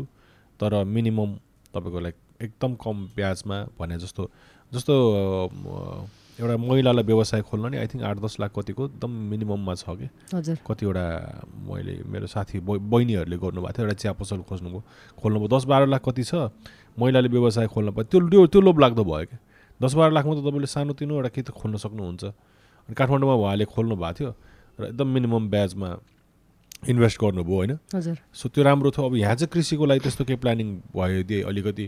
अरू लाइक जो चाहिँ बाहिरबाट जस बाहिरको मान्छेलाई होल्ड गर्नलाई त्यस्तो केही प्लान्सहरू बनाउनु सके हुन्थ्यो कि? किनकि घुमिफिरी त त्यसले लङ रनमा हजुर। हामीलाई नै फाइदा गर्ने हो देशलाई फाइदा गर्ने हो त लङ रनमा किनकि म यस्तो हेर्छु इकोनोमी हेर्छु होइन? हामीले जहाँ पनि देख्छौँ गाडी यहाँ हेर्नुहोस् बाटो बनाएको छ। गाडी उत्तिकै वृद्धि छ। हजुर। अनि स्पेन्डिङ पावर धेरै छ जग्गा किने किने छैन म त एउटा किसान भयो मैले जग्गा बेचेँ मसँग पैसा आयो मैले गाडी किनेँ होइन? बाहिरको बाहिरको कुरामा। इकोनोमी त हाम्रो एकदमै यत्रो ठुलो भाँडामा यत्रो ठुलो पाल त्यो पाल ठुल्ठुलो हुँदै इकोनोमी त जसरी भए पनि किनकि हामी केही प्रड्युस गर्न सक्दैनौँ। हामीलाई लग्जरीको लागि हामीलाई घर बनाउन प्रडक्टदेखि लिएर यताउति जसरी हुन्छ हामीले विदेशको सामान त राखिरहेछौँ। सो यो इकोनोमी रन हुनलाई त नेगेटिभतिर गयो नि त हामी। त्यही त हामी सबैले पनि सोच्नुपर्ने कुरा के हो भने हामीले अलिकति आफूलाई फेसिलिटी हुने कुराहरू जस्तो होइन गाडी मोटरहरूमा बढी लगानी गर्छौँ होइन। त्यो सँगसँगै त्यो पनि चाहिने होइन भन्ने हो होइन। चाहिन्छ त्यो पनि चाहिन्छ सँगसँगै। जस्तो मानौँ एउटा किसानले एउटा किसानले मानौँ तरकारी उब्जाउँछ भने त त्यो तरकारी बिक्री गर्नलाई त एउटा अटो अथवा एउटा सानो गाडी चाहियो नि त। जस्तो। किसानसँग खेतीपाती जग्गा कृषियोग्य जमिन धेरै छ भने एउटा ट्र्याक्टर चाहियो चम्पा ट्र्याक्टर चाहियो होइन। त्यही भएर साधनहरू पनि चाहियो। तर त्यो सँगसँगै चाहिँ यहाँले भनेको क्वेसन अनुसार चाहिँ युथहरू अथवा अलिकति सबैलाई चाहिँ अलिकति लोभ्याउने किसिमले चाहिँ सरकारले कस्तो कामहरू गर्न सक्छ भन्ने कुराको हकमा चाहिँ हामीले अलिकति लगानी लगाएर चाहिँ अब उद्योगहरू पनि सञ्चालनमा ल्याउँदा राम्रो हुन्छ। जस्तो गोदावरी नगरपालिकाको हकमा हामीले पालिकाले आफूले सपोर्ट नगरे पनि हिजो अस्ति केही समय अगाडि मात्र एउटा ठुलो चप्पल फ्याक्ट्री खोलिएको छ यहाँ। त्यसले गर्दा पनि त्यहाँ थुप्रै युथहरूले चाहिँ रोजगारी पाउने सम्भावना हुन्छ होइन? त्यस्तै गरेर अन्य होजारी होजियारीका कुराहरू त्यस्तोमा पनि यदि हामीले अथवा सरकारले चाहिँ बजेटहरू लगाउन सक्यो भने थुप्रै मानिसहरूलाई चाहिँ त्यहाँ रोजगारी दिन सकेर चाहिँ उहाँहरूले बाहिर जान परेन। आफ्नै देशमा बसेर पनि केही गर्न सक्नुहुन्छ। हो त्यस्तोमा चाहिँ लगानी गर्नुपर्छ भन्ने चाहिँ हो। हजुर अनि यो हामीलाई आई थिङ्क अहिले एकैचोटि यो हामीले चाहिँ मेरो मेरो एकछिन अलिकति मेरो क्वेसन्सहरू लास्ट लास्टको लागि राख्छु म। हामीले युवाबाट नि जुन संस्थाबाट चाहिँ म आएको छु आज उहाँहरूले हामीसँग पहिलादेखि काम गरेर र उहाँको उहाँहरूको चाहिँ वर्किङ स्टाइल मलाई खुब मनपर्छ किनकि अलिकति युथफुल दिनुहुन्छ कि। सो युथफुल प्रोग्राम्सहरू बनाउनुहुन्छ होइन? यो पनि धेरैजनाले सुन्छन् र हाम्रै युवाबाट एकजना अनुज भाइ हुनुहुन्छ।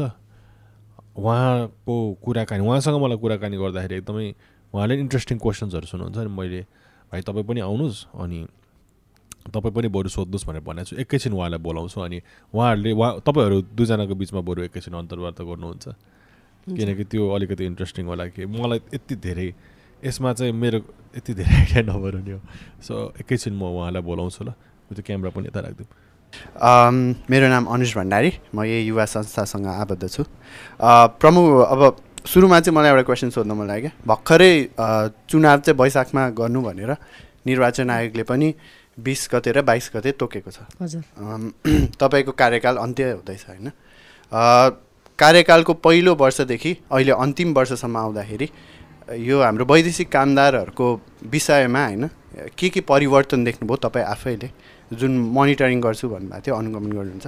के के परिवर्तन देख्नुभयो तपाईँहरूले के के गर्नुभयो त? अघि पनि कुरा भएको थियो। परिवर्तन के के भयो त? यसमा चाहिँ हामी निर्वाचित भएको दुई हजार चौहत्तर असार चौध गते होइन? अनि हामीले चाहिँ बहाली भएको चाहिँ अब जे होस् आफ्नो सम्हालेको चाहिँ जिम्मेवारी सम्हालेको चाहिँ उन्नाइस गतिबाट हो असार होइन? त्यति जेलमा uh, uh, as a Godavari नगरपालिकाको क्षेत्रलाई हेर्ने हो भने चाहिँ थुप्रै ठाउँमा उम्, समस्याहरू थियो। युथहरूमा पनि त्यस्तै गरेर विभिन्न कृषि पकेट क्षेत्रहरूमा पनि सिँचाइको खानेपानीको हरेक समस्याहरू थियो। हामीले सबै विकासलाई जोड्दाखेरि चाहिँ म युथलाई पनि त्यसैमा जोड्छु होइन। अब यहाँ चाहिँ कस्तो थियो भने पहिला बाटाघाटाहरू हरेक कुराहरूमा समस्याहरू धेरै थियो। हामीले सडक सञ्जाल जोड्नको लागि चाहिँ लगभग अहिलेसम्म पैँतालिस किलोमिटरभन्दा बढी चाहिँ सडक सञ्जाल जोडेर कालोपत्री पनि गरिसकेको अवस्था हो। यद्यपि प्रदेश सरकार सङ्घीय सरकारको सपोर्ट पनि छ होइन? त्यसमा चाहिँ विकट क्षेत्रहरूमा चाहिँ झुलुङ्गी पुलहरू बनाउने कामहरू पनि गरेका छौँ तिनवटा ठाउँमा। त्यस्तै गरेर ठुलो पक्की पुलहरू पनि बनेको छ। यद्यपि गोदावरी नगरपालिकाको सबभन्दा समस्या भनेको चाहिँ विकट क्षेत्रलाई जोड्ने एउटा चाक्ले खोलाको पुल छ। त्यो पुल यदि हामीले आफैले लगानी गरेको भए सायद पहिलो दोस्रो वर्षमा सम्पन्न गर्थ्यौँ होला। प्रदेश सरकार र सङ्घीय सरकारको सपोर्ट रहन्छ भनेर सरकार तिनवटा भइरहँदा त स्थानीय सरकारको बजेट मात्र हुँदैन। र माथिल्लो सरकारबाट पनि सपोर्ट हुन्छ भनेर त्यसलाई चाहिँ अगाडि बढाएका छौँ र त्यो अन्तिम चरणमा छ अब सायद त्यसको उद्घाटन पनि हुन्छ होला पुलको होइन। त्यस्तै गरेर हामीले थुप्रै कृषि आधुनिकीकरणका कुराहरू होइन। कृषकहरूलाई चाहिँ पकेट क्षेत्र बनाउने कुराहरूमा पनि सपोर्ट गरेका छौँ। अब स्वास्थ्यमा सबैको पहुँच पुर्याउने उद्देश्यले चाहिँ वार्ड वार्डमा विकट क्षेत्रहरूमा चाहिँ सहरी स्वास्थ्य केन्द्रहरू बनाएर अब हरेक किसिमको सुविधाहरू दिने कामहरू भइरहेको छ होइन। त्यस्तै गरेर अल्ट्रासाउन्ड सुविधाहरू चाहिँ हामीले विकट क्षेत्रहरूमा वडा चाहिँ घुम्ती रूपमा चाहिँ अगाडि बढाएका छौँ।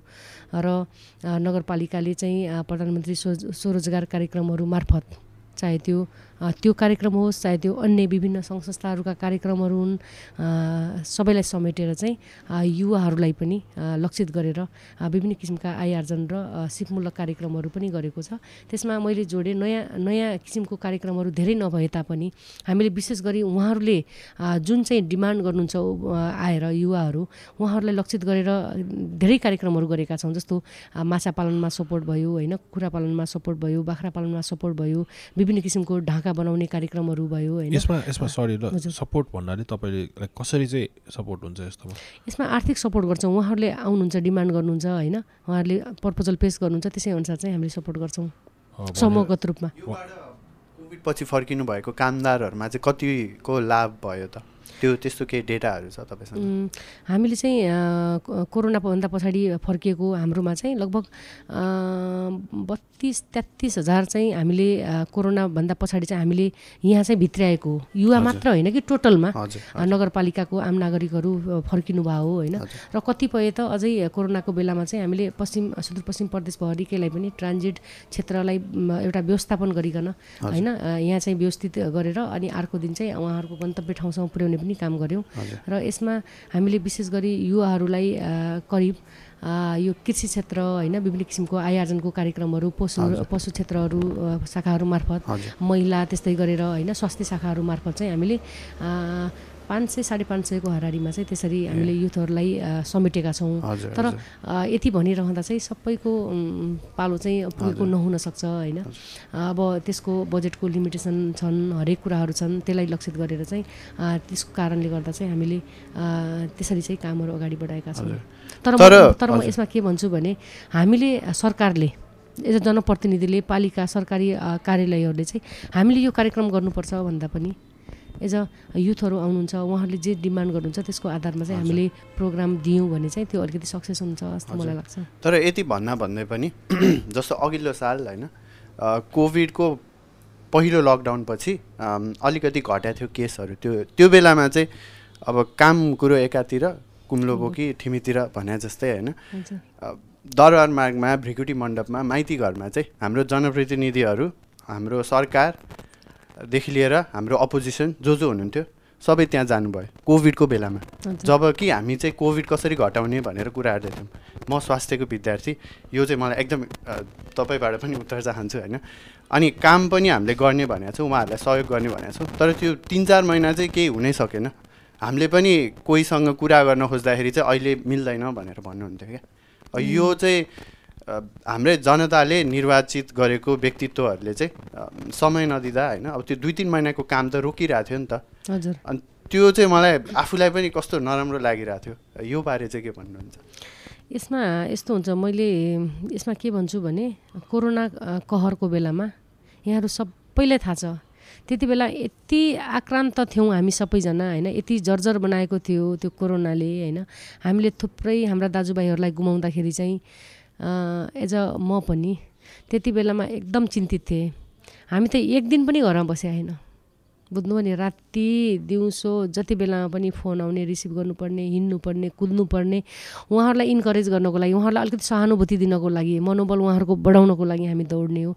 जनप्रतिनिधिले हामीले त्यस्तै बेलामा समय दिन सकेनौँ भने चाहिँ समय कसले दिने भन्ने लाग्छ क्या मलाई चाहिँ। एज अ म जनप्रतिनिधिको हिसाबले भन्दाखेरि चाहिँ म त्यसैले म के भन्छु भन्दा मेरो अल टाइम चाहिँ मेरो फोन उठ्थ्यो कि त्यति बेलामा जनप्रतिनिधिले फोनै रिसिभ गर्दैनन्। फोनै अफ गरेर राख्छन् भन्ने गुनासो पनि थियो कता कता सुनिन्थ्यो। तर हाम्रोमा चाहिँ त्यस्तो भएन होइन। मैले जहिले पनि जति बेलामा पनि टाइम दिएको यति धेरै मिडियाको साथीहरू आउनुहुन्थ्यो। तपाईँले कोरोना व्यवस्थापन कसरी गर्नुभयो भनेर क्वेसनरहरू सोध्ने गर्नुहुन्थ्यो। विभिन्न सङ्घ संस्थाहरूसँग हामी कोर्डिनेसन गर्थ्यौँ। सङ्घ संस्था मार्फत पनि सपोर्टहरू जुटाउँथ्यौँ। कतिपय अपाङ्गता भएका वर्गहरू होइन। गरिब वर्गहरूको घरमै गएर पनि हामीले राहतको प्याकेजहरू बाँड्यौँ। त्यति बेलामा। किनभने उहाँहरूलाई त दिनभरि मजदुरी गरेर खाने जो व्यक्ति हुनुहुन्थ्यो उहाँलाई त बिहान बेलुकाको छाक टार्न पनि गाह्रो भएको थियो नि त। उहाँहरूलाई सपोर्ट नगरे कसलाई सपोर्ट गर्ने? त्यही भएर हामीले हामीले पनि राहत प्याकेजहरू तयार गऱ्यौँ कार्यविधि बनाएर। त्यसभन्दा पछाडि विभिन्न सङ्घ संस्थासँग कोअर्डिनेसन गरेर पनि हामीले अपाङ्गता भएका वर्गहरू विशेष गरेर गरिब वर्गहरूलाई छानेर चाहिँ हामीले राहतको प्याकेजहरू बाँडेको हो। त्यस्तो बेलामा पनि यदि जनप्रतिनिधिहरूले चाहिँ ख्याल गर्नुहुन्न समय दिनुहुन्न भने कहिले दिनुहुन्छ त? देश नै जनप्रतिनिधि देशमा सबभन्दा ठुलो पक्ष भने त जनप्रतिनिधि हो नि त। उहाँहरूले नै समय दिनु भएन भने त्यसमा त पछाडि कर्मचारीले गरेन अर्काले गर्नु भन्ने त त्यो व्यर्थ हो भन्छु म। त्यही भएर हामी नै पहिला सेन्सिटिभ हुनुपर्छ हामीले नै पहिला समय दिनुपर्छ अनि मात्र केही चाहिँ चेन्ज हुनसक्छ भन्ने चाहिँ मलाई लाग्छ। अर्को प्रश्न चाहिँ हाम्रो यो हामीले युवाबाटै एउटा कार्यक्रम यहाँ सञ्चालन गरेको थियौँ होइन। हाम्रो वैदेशिक कामदार सम्बन्धी नै जुन सिसन दाईले पनि अघि कुरा हार्नुभएको थियो होइन त्यसमा चाहिँ हामीले यो महिलाको कुराहरू चाहिँ भेट्दै भेटेनौँ क्या। महिलाको कुरा कुन बेला आयो भन्दाखेरि नराम्रो घटना हुँदाखेरि मात्रै आयो। अरू बेला कस्तो इस्यु थियो होइन अरू बेला के थियो कस्तो थियो त्यो आएन। अनि यहाँ हामीले अब विभिन्न स्थानीय निकायसँग कुरा हेर्दाखेरि पनि पुरुषकै कुराहरू मात्रै आउँथ्यो। लैङ्गिक अल्पसङ्ख्यकको कुरै छोडिदिउँ महिलाको समेत आइरहेको थिएन। यस्तो चाहिँ किन होला? अब यहाँहरू सबैले थाहा छ यो हाम्रो देश नै कृषि प्रधान देश। अब अलिकति क्यापेबल महिलाहरू अलिकति सक्षम महिलाहरू केही गर्न सक्छन् भन्ने महिलाहरू भए पनि चाहे त्यो युथमा महिला पुरुष जो भए पनि होइन? अलिकति समस्या के देखेको छ भने क्षमतालाई स्वीकार्न सक्ने परिपाटी छैन हाम्रोमा। त्यही भएर पनि अलिकति यो समस्याहरू छ। त्यति बेलामा चाहिँ म त यो सन्दर्भमा चाहिँ के जोड्न चाहन्छु भने महिलाहरूको कुराहरू कहिलेकाहीँ रक्सीहरू हरेक कुराहरू को पोस्टरहरू त्यसको अलिकति के होर्डिङ बोर्डहरू टाँस्ने बेलामा मात्र प्रचार प्रसारको बेलामा होइन विज्ञापनको बेलामा महिलाहरूको पोस्टहरू बढी जाने गर्छ। तर त्यसलाई चाहिँ निरुत्साहित निरुत्साहित गर्नुपर्छ। सरकारले भनेर म भन्न चाहन्छु किनभने महिलाहरू त्यो ठाउँको लागि मात्र उपयोग गर्ने होइन। स्वागत गर्ने कुरामा हरेक अलिकति त्यो मालाहरू लगाउने कुराहरूमा मात्र महिलाहरू देखिने परिपाटी जुन छ त्यसलाई चेन्ज गर्न मैले खोजिरहेको छु एज अ मेरो पालिकामा होइन। त्यही भएर म यसमा के भन्छु भने हाम्रो देशमा निर्मला पन्थ जो चाहिँ कञ्चनपुरमा घटेको घटना थियो होइन? निर्मला पन्त माया बिक लगायतका थुप्रै बहिनीहरू होइन?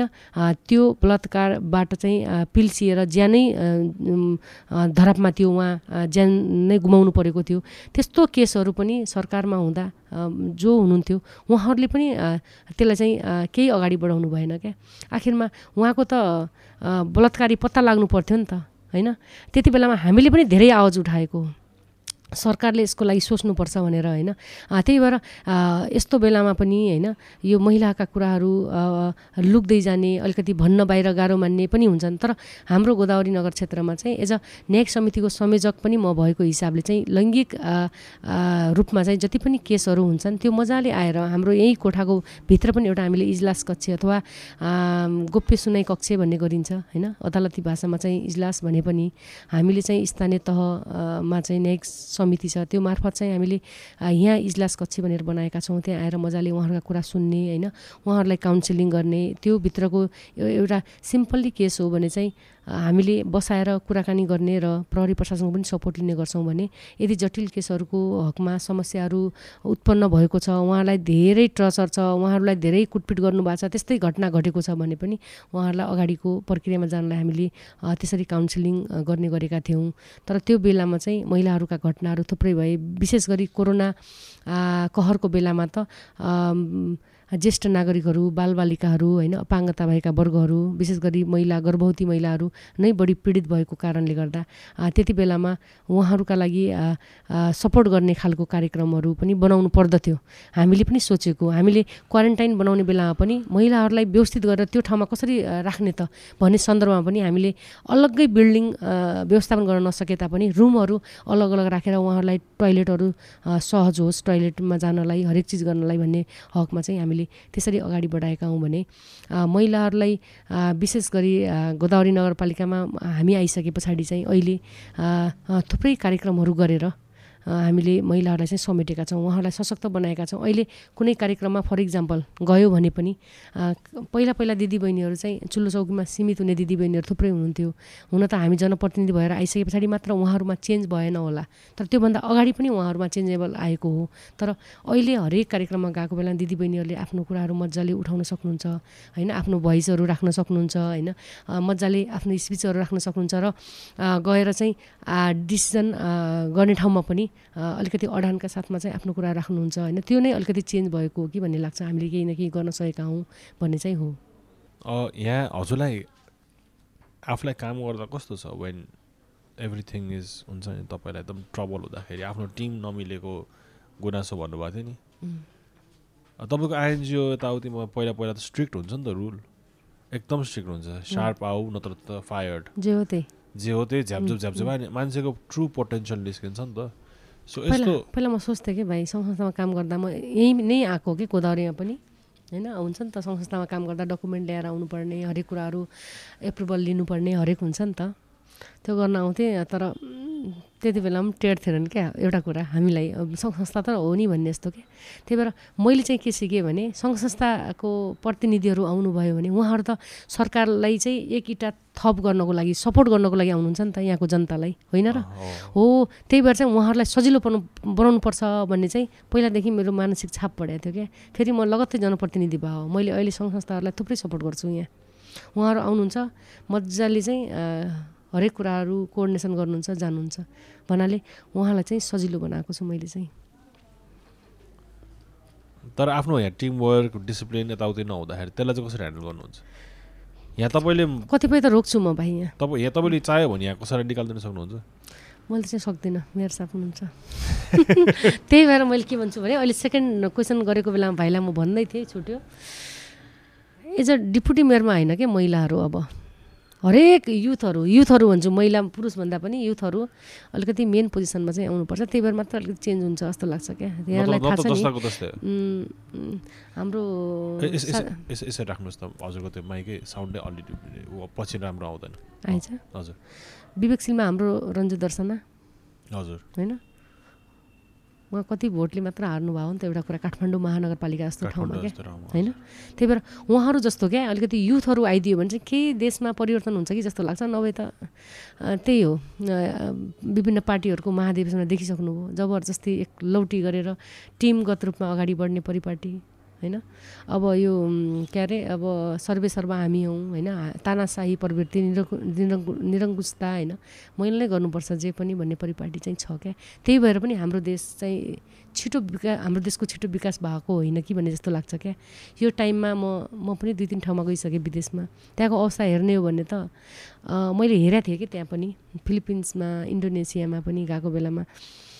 मेयर उपमेयरहरू मजाले त्यहाँ मानौ चारवटा एजेन्डाहरू कार्यपालिकामा आयो भने पनि मजाले के हुने रहेछ भने त्यहाँ मजाले त्यो एजेन्डाहरू पास गर्ने कि नगर्ने भनेर चाहिँ टिमगत छलफल भएर रोक्ने अगाडि बढ्न दिने हुने रहेछ क्या छलफल।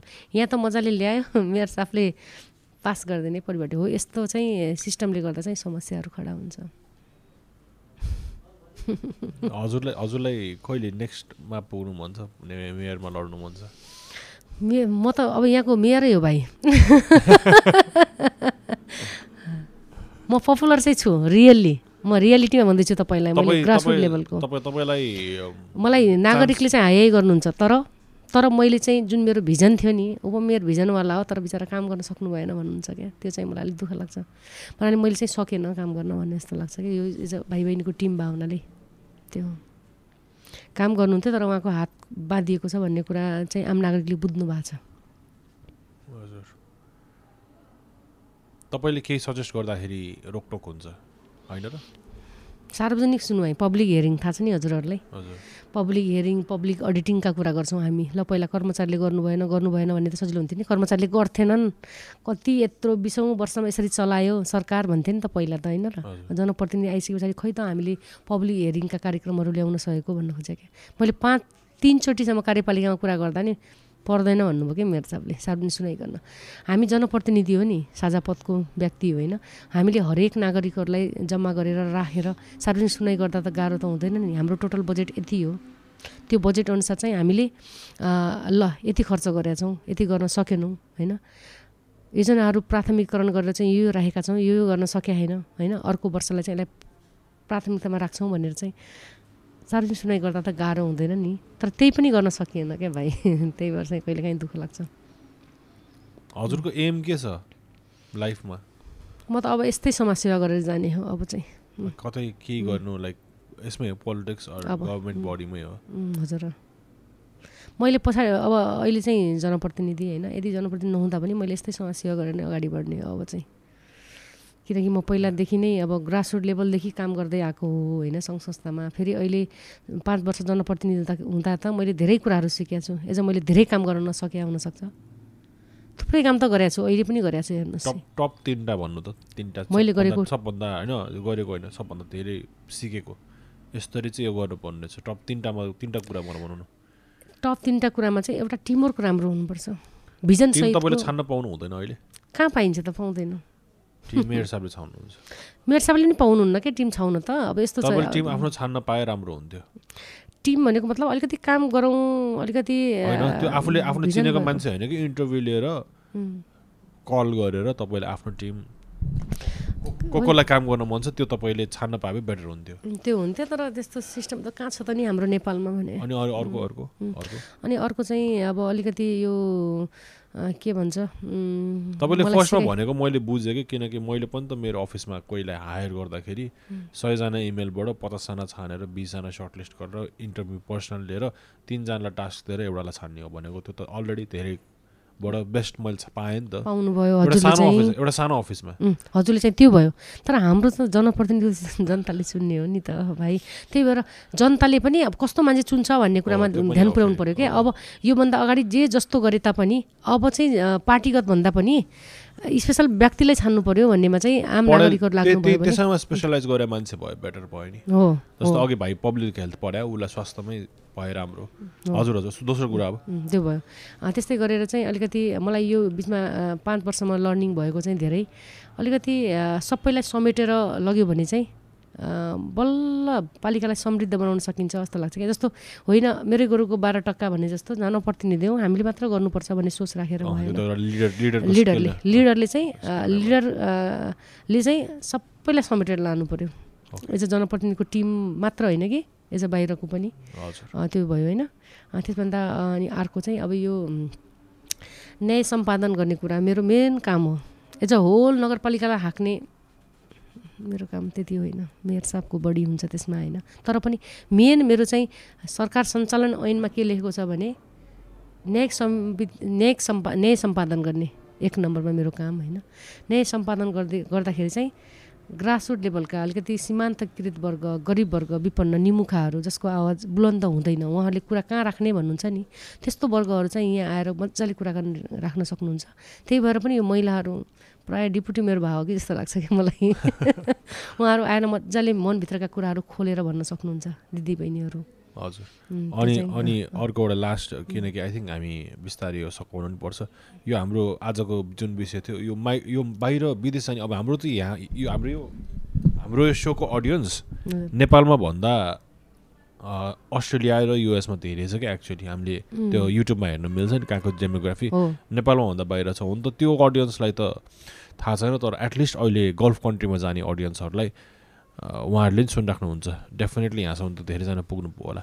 सो उहाँहरूको लागि केही मेसेज अर उहाँहरूलाई राख्नुको एउटा सल्युसन लास्टमा एउटा टुङ्गो केही छ तपाईँलाई चाहिँ यस्तो गरे र यस्तो गर्नु केही मेसेज छ तपाईँले दिनुपर्ने?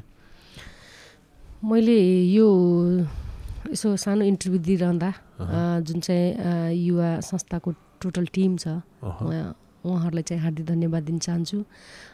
मैले अहिलेसम्म गरेका होइन कुराहरूलाई चाहिँ यसो सूचना सम्प्रेषण गर्ने जुन यो अपर्च्युनिटी दिनुभयो म यसको लागि धन्यवाद दिन चाहन्छु।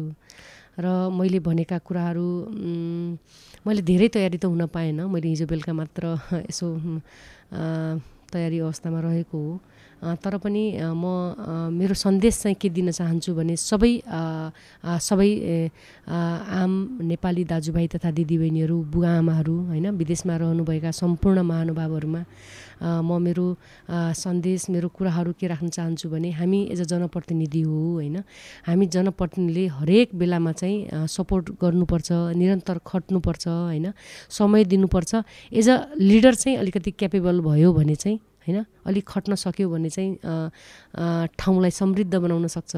आम नागरिकहरूलाई समेटेर लैजानुपर्छ भन्ने इच्छा चाहिँ उहाँप्रति हुनुपर्छ भनेर म भन्न चाहन्छु। र अलिकति महिलाहरूलाई म यही मार्फत चाहिँ थोरै भन्न चाहन्छु कि एज अ महिलाहरू होइन? महिलाहरूलाई चाहिँ पोजिसनको हिसाबले पनि अलिकति हाई पोजिसनमा लिनुपर्छ होइन? जहाँ पनि उप उप उप भन्ने पदमा राखेर चाहे त्यो उपसभामुख होस् चाहे त्यो एज अ डेपुटी मेयर उपमेयर होस् होइन? त्यस्तोमा राख्यो भने चाहिँ प्राय आफ्ना जुन चाहिँ काम गर्ने इच्छा आफ्ना काम गर्ने आफ्नो भिजन हरेकलाई चाहिँ त्यहाँ युटिलाइज गर्न पाउनुहुन्न। त्यस्तो समस्याहरू हुन्छ। त्यसले गर्दा चाहिँ म अब के भन्न चाहन्छु भने यो पनि एउटा प्रावधान त हो नि कानुनी व्यवस्था। मेयर र उपमेयरमा चाहिँ जस महिलाको सहभागिता हुनुपर्छ भन्ने हिसाबले स्थानीय सरकार स्थानीय सरकार बन्नु पूर्व होइन? यो जनप्रतिनिधि सिलेक्सन गर्ने बेलामा त आखिरमा स्थानीय तहमा त फोर्टी वान पर्सेन्ट महिलाहरू हुनुहुन्छ। तर पनि सबैजना चाहिँ के हुनुहुन्छ त भन्दा मेन पोजिसनमा हुनुहुन्न। त्यसले गर्दा चाहिँ अलिकति यो काम गर्न गाह्रो भएको फिल चाहिँ मलाई भएको छ। त्यही भएर पनि अब एउटा पदमा महिला र पुरुष भन्ने होइन कि? क्यापेबल महिलाहरू हुनुहुन्छ भने पनि चाहे त्यो महिला चाहे त्यो पुरुष जुनसुकै ठाउँमा पनि उहाँले चाहिँ पाउनुपर्छ भनेर चाहिँ म भन्न चाहन्छु र अन्तमा जे होस् समग्र हाम्रो ठाउँको विकास गर्नको लागि राज्यले राज्यले चाहिँ सरकार तिनवटा छन् हाम्रो देशमा। तिनटै सरकारहरूले बुझ्नुपर्ने कुराहरू चाहिँ तिनटै सरकारबिच अलिकति कोअर्डिनेसन हुनु पऱ्यो सह समन्वय सहकार्य सहस्तित्व सही अस्तित्व स्वीकार्नु पऱ्यो एउटा सरकारले अर्कालाई नमान्ने अर्कोले अर्कालाई नमान्ने प्रवृत्ति चाहिँ छोड्नु पऱ्यो सबैजनाले। त्यही भएर कतिपय ठाउँमा देख्ने गरिन्छ कि हामीलाई प्रदेश सरकार चाहिँदैन अर्को सरकार चाहिँदैन भन्ने कुरा। तिनटै सरकार चाहिन्छ आम नागरिकलाई। त्यही भएर तिनटै सरकारले गर्ने सपोर्टहरूलाई चाहिँ मजाले त्यो डुप्लिकेसन नहुने गरेर चाहिँ एउटा बास्केट फन्ड बनाएर प्राथमिकताका आधारमा चाहिँ हामीले त्यो बजेटहरू चाहिँ सही ठाउँमा सही किसिमले सदुपयोग गर्न सक्यौँ भने हामीले बल्ल जुन हाम्रो नारा छ सुखी नेपाली समृद्ध नेपाल भन्ने त्यसलाई चाहिँ पुरा गर्न सक्छौँ र आम नागरिकका सपनाहरूलाई चाहिँ हामी पुरा गर्न सक्छौँ भन्ने लाग्छ। तर यसमा चाहिँ एकजना व्यक्तिले अथवा एकजनाले मात्र चाहेर पनि केही गर्न सक्दैन। त्यही भएर एज अ टिमवर्क राम्रो हुनुपर्छ भनेर चाहिँ म सन्देश दिन चाहन्छु। विशेष गरी फेरि युथ जेनेरेसन चाहिँ अगाडि बढ्न जरुरी छ। यदि नेपाललाई चाहिँ केही चेन्ज गर्ने हो भने हामीले विदेश कति अगाडि बढ्यो जस्तो चाइना कति अगाडि बढ्यो भन्दै गर्दाखेरि चाहिँ त्यहाँको र यहाँको सिस्टम के छ त्यो पनि सबैले बुझ्न जरुरी छ। त्यसैले हाम्रो देशको समग्र विकास गर्नको लागि चाहिँ हामीले महिलाहरूलाई अगाडि बढाउनुपर्छ युथहरूलाई युथ जेनेरेसनलाई ठाउँ दिनुपर्छ। यो कुरा चाहिँ म भन्न चाहन्छु। हजुर अनि लास्टमा त्यही हाम्रो मेन अहिलेको आजको मिटिङको यो कुराकानीको सब्जेक्ट त्यसलाई पनि एड्रेस गरिदिनुहोस् न बरु। हाम्रो यो वैदेशिक रोजगारीमा अर लाइक त्यो त्यो त्यो त्यो पाटोमा पनि।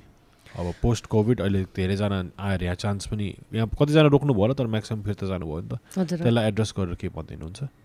यो वैदेशिक रोजगार जुन गुमाएर जुन फर्किनु भएको छ उहाँहरूका लागि पनि अब हामीले सोच्नुपर्ने अवस्था छ होइन? यो दोस्रो पहिलो दोस्रो भेरिएन्ट सँगसँगै कोरोनाले थुप्रै व्यक्तिहरू प्रभावित हुनुहुन्छ थुप्रै घर परिवारहरू बर्बाद भएको अवस्था पनि छ। फेरि तेस्रो भेरिएन्ट भनेर यो ओमो ओमिक्रोन भन्ने छ होइन? यसबाट पनि हामी सबैले बस्न जरुरी छ सावधान अपनाउन सजगता अपनाउन जरुरी छ। म सम्पूर्णमा आग्रह गर्न चाहन्छु कि हामी सबैले अहिले ध्यान पुर्याउँ यसमा होइन? पछि धेरै अवस्था जटिल आइसक्यो भने चाहिँ हामीले त्यसलाई व्यवस्थापन गर्न कठिन हुन्छ होइन? राज्यको खर्च बढ्ने तर हामीले व्यवस्थापन गर्न नसक्ने हुनसक्छ होइन? त्यसमा सबैले ध्यान दिन जरुरी छ। एज अ जनप्रतिनिधिहरू कर्मचारीहरू स्वास्थ्य कर्मी सुरक्षाकर्मी आम नागरिक सबैले ध्यान दिन जरुरी छ भनेर म आग्रह गर्न चाहन्छु। र वैदेशिक रोजगार गुमाएर आउनुभएका जति पनि दाजुभाइ दिदीबहिनीहरू हुनुहुन्छ अथवा वैदेशिक रोजगारमा जानुहुने जति पनि दाजुभाइ दिदीबहिनीहरू हुनुहुन्छ उहाँहरूलाई चाहिँ त्यो युथ पिँढीहरू जति दिन प्रतिदिन नेपालबाट विदेश जाने क्रम छ यसलाई रोक्नको लागि चाहिँ राज्यले बढीभन्दा बढी लगानी गरेर विभिन्न राम्रा राम्रा कार्यक्रमहरू ल्याएर विभिन्न उद्योगहरू कल कारखानाहरूलाई व्यवस्थापन गरेर त्यहाँ चाहिँ उहाँहरूको लगानी बढाएर उहाँहरूलाई व्यवस्थित गर्न सकिन्छ र हाम्रो देश नै कृषि प्रधान देश भएको कारणले गर्दा कृषिबाट केही हुँदैन भन्ने होइन। हामीले चामल पनि बाहिरबाट भित्राउँछौँ भने हामीले आफ्नो कृषियोग्य जमिनमा सिँचाइको सुविधाहरू पुर्याएर त्यस्तै गरेर उन्नत जातको बिजनहरू लगाएर पनि दिएर पनि अनुदान स्वरूप हामीले युवा पिँढीहरूलाई चाहिँ यहाँ चाहिँ राख्न सक्छौँ र उहाँहरूले बाहिर गइराख्न पर्दैन धाइराख्न पर्दैन र आफ्नै माटोमा चाहिँ उहाँहरू रमाउन सक्नुहुन्छ भन्न चाहन्छु र विशेष गरी यसमा चाहिँ तिनटै सरकारले चाहिँ एकदम गम्भीर भएर सोच्नको लागि पनि म आग्रह गर्न चाहन्छु। यदि तिनटै सरकारले चाहिँ गम्भीर रूपमा सोचेर र युथ पिँढीहरूका लागि विदेशमा जाने जुन वर्ग छ उहाँहरूका लागि सोचेर यदि प्लान तयार गर्न सक्यौँ भने पक्कै पनि मलाई लाग्छ सबैजना चाहिँ विदेशमा रमाउनुहुन्न आफ्नै माटोमा आफ्नै स्वदेशमा रमाउन सक्नुहुन्छ। त्यो अवस्था चाहिँ हामीले सिर्जना गर्नुपर्छ भन्ने भनेर चाहिँ राख्न चाहन्छु। हस् रत्नजी धेरै धेरै धन्यवाद। Okay we'll signing out of paradigm podcast for today next time हजुरलाई भेट्दाखेरि हजुरको नामबाट उप चाहिँ हटेको देख्न पाऊँ। Thank you thank you so much भाइ। धन्यवाद। हस्।